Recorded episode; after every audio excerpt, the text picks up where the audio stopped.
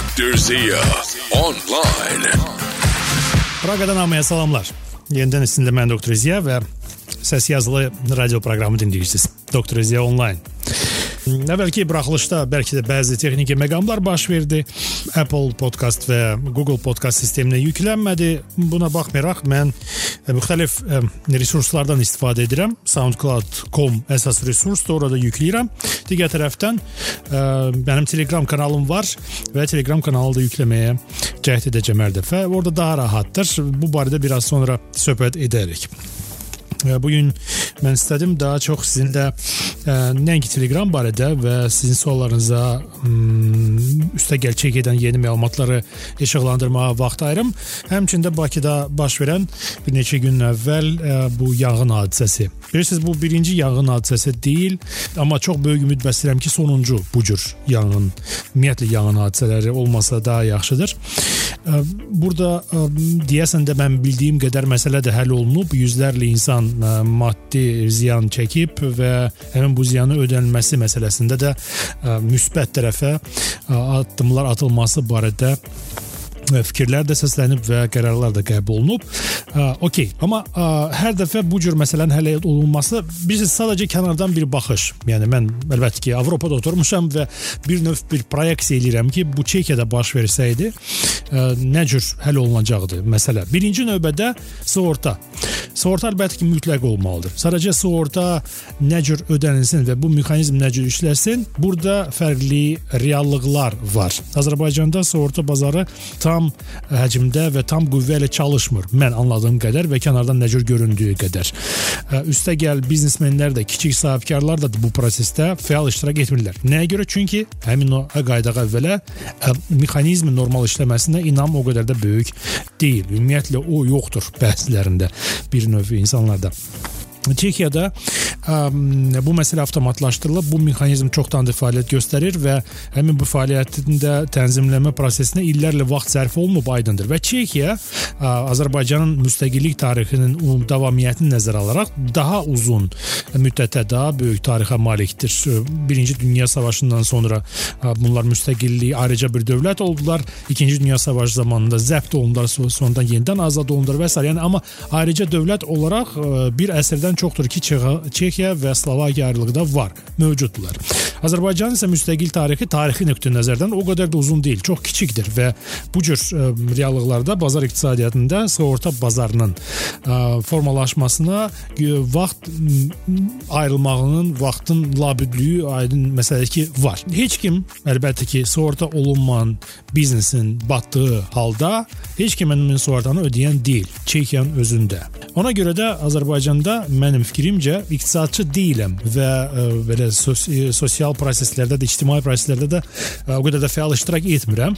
Amma kənardan görülən odur ki, prosesi birdəfəlik həll etmək lazımdır. Yəni sığorta bazarının gələcəyini birdəfəlik müəyyən etmək lazımdır. Bəlkə də müəyyən bir keçid dövrü lazımdır. Yenidən təkrarlayım. İqtisadçı deyiləm. Amma belə bir fikir var. Bəlkə də müzakirəyə səbəb olar. Baxın görün, ideyadır, ortaya atıram. Tutalım kiçik sahibkarlardan Azərbaycanda sadələşdirilmiş vergi var ha. Həmin o verginin üzərinə bir neçə faiz əlavə olunsun və dövlət həmin bu topladığı vergilərdən tutalım nəticə etibarilə dövriyyədən alınan vergi 4-5 faizdirsə, olsun 7 10 faiz, 7, 8, 9 və yaxud da 10 faiz və bunun müqabilində dövlət kiçik sahibkarlar üçün dövlət tərəfindən onların biznesinin sığortalanmasını, üstəgəl onların özlərinin və ailə üzvlərinin tibbi sığortasını təmin etmiş olsun. Yəni variant riyazi nöqteyi nəzərdən bəlkə hesablamaq lazımdır. Amma məndə belə bir intuitiv fikir var ki, vergiləri biraz artırmaqla və bu məsələdə əlbəttə ki, şəffaflığın yerini şəffaflığı təmin etməklə vergiləri toplayıb həmin o vergilərin bir hissəsini sığorta şəklində özdə hər tərəfli təkrarlayım, tibbi və mülkiyyət biznesin sığortalanmasını təmin etmək olar. İdeyadır. Gəlin müzakirə edək misal üçün. Niyə də yox? Niyə də olmasın? Dr. Zia Online. Yəmişkən müzakirələr məsələsində mənimlə ünsiyyət qurmaq istəyirsinizsə, bir tərəfli belə deyim, həm danışmağım monoloqum olmasın deyə siz e, rahatlıqla mənim Telegram kanalımdan istifadə edə bilərsiniz. E, mən fikirlərimi, e, audio faylları və digər mediaları Telegramdakı Dr. Ziya kanalında yerləşdirirəm. Abunə olun və ə, mənimlə əlaqə saxlamaq üçün isə siz ə, Telegramın elə özündə Ziya Macidli ingiliscə yazsanız Ziya Macidli bu ünvana bu teleqrama siz mənə teleqram yaza bilərsiniz. Belə köhnə dillə desək. Oxuyacağam hamısını əlbəttə ki və məmnuniyyətlə sizin fikirlərinizi, ideyalarınıza diqqət və vaxtımı ayıracağam. Mənə artıq yazırlar. Bəzi tanışlarım Telegrama birbaşa yazırlar ki, "Ya bax bu belə belə ola bilər və yaxud da belə təklifimiz var və s. Təşəkkürlər bütün yazılara görə və yeni yazılar sizdən gözləyirəm. Nəyə görə Telegrama görə bu cür danışıram, xeyli söhbət edirəm və mən Telegramın tərəfini saxlayıram.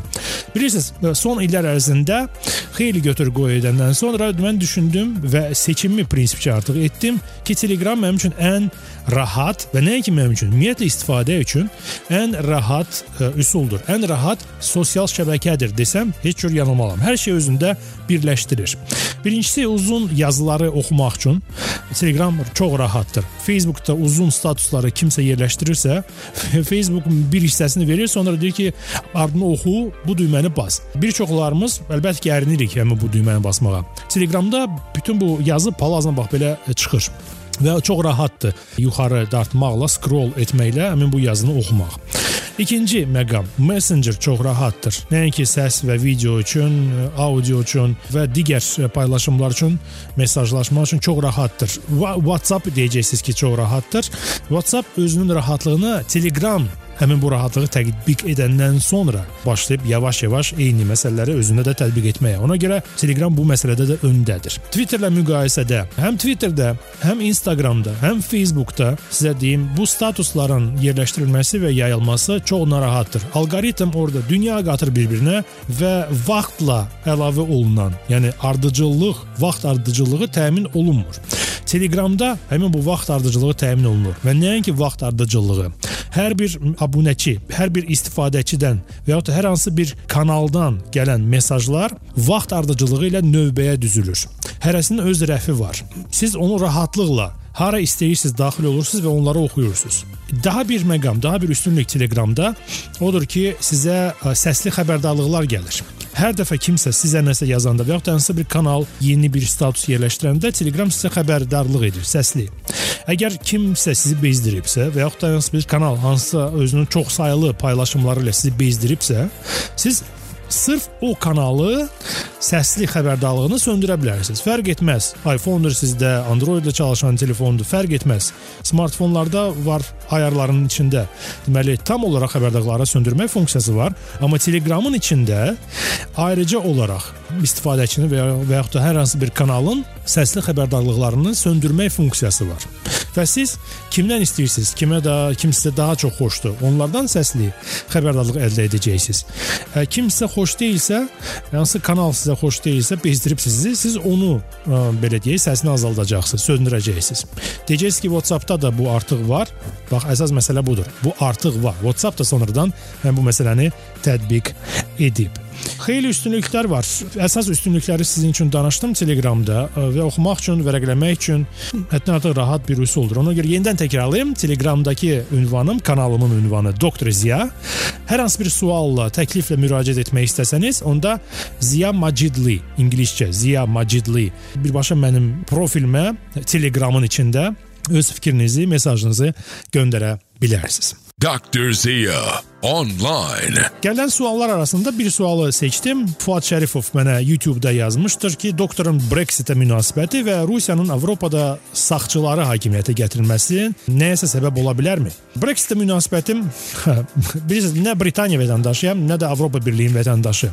Amma mənə belə gəlir ki, Brexit-lə Britaniya daha çox uduzacaq, nəinki qazanacaq. Çünki illərlə, 10 illərlə bu iqtisadiyyat, bu cəmiyyət o qədər qarışıb Avropa Birliyinin Birliyinin, digər ölkələrin iqtisadiyyatı ilə, cəmiyyəti ilə O qədər ailələr qurulub, o qədər iş yerləri açılıb, o qədər futbolçular Premyer Liqada belə idman prizmasına yanaşsam, o qədər Avropalı futbolçular həmin bu ə, yekdil ə, vahid sərhədlərdən və qanunlardan istifadə edərkən Premyer Liqada oynayır ki, bunun sonrası nə olacaq? Çətin olacaq. İngilis futbolu üçün bir tərəfdən çətin olacaq, çünki yeni futbolçuları cəlb etmək ağır prosesə çevriləcək. Deyim ki, məsəl üçün bir qayda deyim sizə, İngiltərə futbol klublarında oynamaq üçün Premyer Liqada qayda var. Xarici futbolçu milli komandasında müəyyən faiz o maçlarda iştirak etməlidir. Məsələn, 3də 1 maçlarında oynamalıdır ən azı oynamağa başlayan andan. 3də 1 maçlarda iştirak etməlidir ən azı. Müəyyən bir statusa sahib olmalıdır. Yəni yaxşı futbolçu olmalıdır. Aydın məsələ ki, pis futbolçu İngiltərə Premyer Liqasına transfer etməzlər. Bu məqamlar qüvvəyə minəcək Avropa futbolçuları üçün. İndi bu məqamlar onlar üçün yoxdur. Ona görə kim gəldi, kim yaxşı oynayırsa, qiyməti də münasibdirsə İngiltərə Premyer Liqasına gedir. Yəni limit yoxdur Avropa Birliyinin futbolçularına. Yalnız məsəl üçün Braziliyadan gələn futbolçuya məsəl limit var. Amma Avropa Birliyinin futbolçusuna İngiltərə Premyer Liqasında limit yoxdur.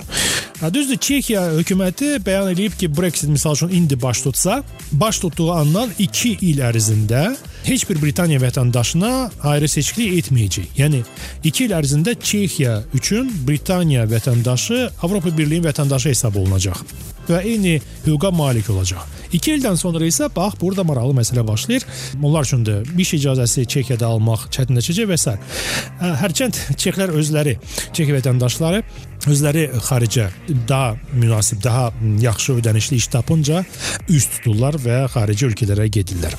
O ki qaldı Rusiyanın Avropada sağçılara hakimiyyət gətirməsi məsələsinə bilirsiniz, ə, mən birincisi tam inanmıram ki, Rusiya bu məsələni 100% həyata keçirir. Düzdür, onların da əli ola bilər və var, amma tam olaraq ə, sağçılara hakimiyyətə gətirilməsi prosesində nə qədər çalışsa da axıra qədər bu məsələ alınmır. Düzdür, onların parlamentlərdə təmsilçilik sayı artır seçkidən seçkiyə. Bu məqam var. Amma sonradan seçkilər ayıq olmasa əvvəlcədən sonradan ayıq olurlar və tələbləri artır. Onlar ə, vahid bir cəbhə ilə həmin bu sağçılara qarşı çıxırlar və sağçıların ə, tətbiq etmək istədiyi siyasətə qarşı çıxırlar və bu prosesdə həmin o sağçılar ə, bu sağçılar arasında mən iqtisadi sağçıları nəzərdə tutmuram. Bu millətçilik, milliyyətçilik, ə, ksenofobiya, irqçilik ideyalarını özündə daşıyan sağçılardan, ultra sağçılardan söhbət gedir.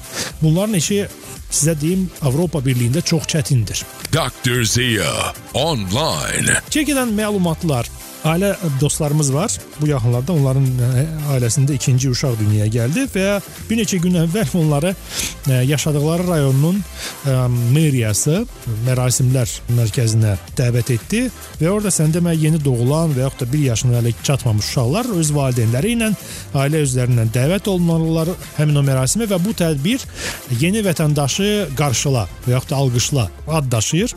Orada hər doğulan yeni vətəndaş üçün yerli hakimiyyət hədiyyə verir. Düzdür, hədiyyələrə baxanda bir dəsmal verildi və bir uşaq çantası verildi həmin bu ailəyə. Amma burada əsas məsələ hədiyyə deyil. Əsas məsələ yerli hakimiyyətin diqqət yetirməsidir və hər bir vətəndaşın dünyaya gəlməsi prosesini alqışlamaqdır. Yəni bu cür mənəvi olaraq stimullaşdırmaqdır. Maddi nə cür stimullaşdırılır? Mən sizə yaxın buraxılışların birində ətraflı söhbət edəcəm. O da çox həddən artıq maraqlı prosesdir. Yerli hakimiyyətlər Praqanın özündə digər bir həvəs edici prosesdə iştirak edirlər. Velosipedlər üçün yeni yolların salınması, parklaşma üçün yerlərin ayrılması və hətta sizə deyim, avtomobillər üçün profilaktoriya var ha. Velosipedlər üçün profilaktoriyaların tikilməsinə bu il ərzində 5 milyon 300 min dollara yaxın pul xərcləyəcəklər. Yəni bu büdcə ayrılıb Praqa meriyasının büdcəsində 5 milyon 300 min dollara yaxın pul velosipedlər üçün həyatının yüngülləşdirilməsinə ayrılacaq. Bu da çox həddən artıq təqdirə layiq məsələdir. Vaxtın dəyişilməsi məsələsi martın sonunda hər dəfə bilirsiniz, bilirsiniz ki, yay vaxtına və qış vaxtına keçid olur. Avropa keçir. Yəni bu məsələdə yəni Azərbaycan keçmir və amma Avropa hələ artıq son illəri yaşayır bu vaxt dəyişdirmə prosesində. Ya 20 ya da 21-ci ilin yazında sonuncu dəfə ya da payızında indi seçəcəklər bu məsələni tənzimləmək üçün. Sonuncu dəfə saatların yeri dəyişəcək. Yəni saatlar ya irəli ya da geri çəkiləcək bir dəfəlik və salam uzun müddətli həmin proses dayandırılacaq ki, əziyyət çəkməsinlər. Doğrudan da, yəni artıq Avropa Birliyinin təbibləri də söyləyirlər ki, vətəndaşlar və nəinki vətəndaşlar, ümumiyyətlə bütün canlılar həmin bu vaxtın dəyişdirilməsinə görə əziyyət çəkirlərmiş. Hətta malqara belə. malqara da əziyyət çəkir həmin bu vaxt dəyişdirilməsində. Daha bir məlumat müəllimlərin maaşları haqqdadır. Hazırda Çex müəllimləri məktəblərdə ortalama olaraq 1200 avro maaş alırlar. 1200 avro maaş. Müqayisə üçün deyim ki, yenidən təkrarlayım. Praqanın mərkəzində 3 otaqlı evin ortalama kirayə qiyməti də 1200 avrodur. Amma müəllimlərin əksəriyyətinin ələxüsus Çekiya vətəndaşlarının öz evləri var, mənzilləri var deyə bu 1200 avro çox da olmasa, amma heç də pis rəqəm deyil. Nəyə görə bu məlumatı dedim sizə? Maaşların artımı tendensiyası gedir. Çekiya iqtisadiyyatında iqtisadiyyat yüksəlişdədir və yüksəlməyə də davam edəcək. 2 ildən sonra plandadır ki, Çekiyanın orta təhsil, ümumi təhsil məktəblərinin müəllimi 2000 dollar, 46 min kron civarında maaş alsın və bu hədəfi də Çekiya Nazirlər Kabinetini hədəf kimi öz qarşısında e, qoyub. Belə. Bu günə bu qədər. Çalışacağam test testində yenidən deyim, təkrarlayım bu məsələni görüşüm, söhbətləşim. Alınsa hər gün, amma digər layihələr də olacaq. Onlardan da sizə xəbərdar edəcəm. Telegramımı izləyin. Telegramda Doktor Ziya kanalı.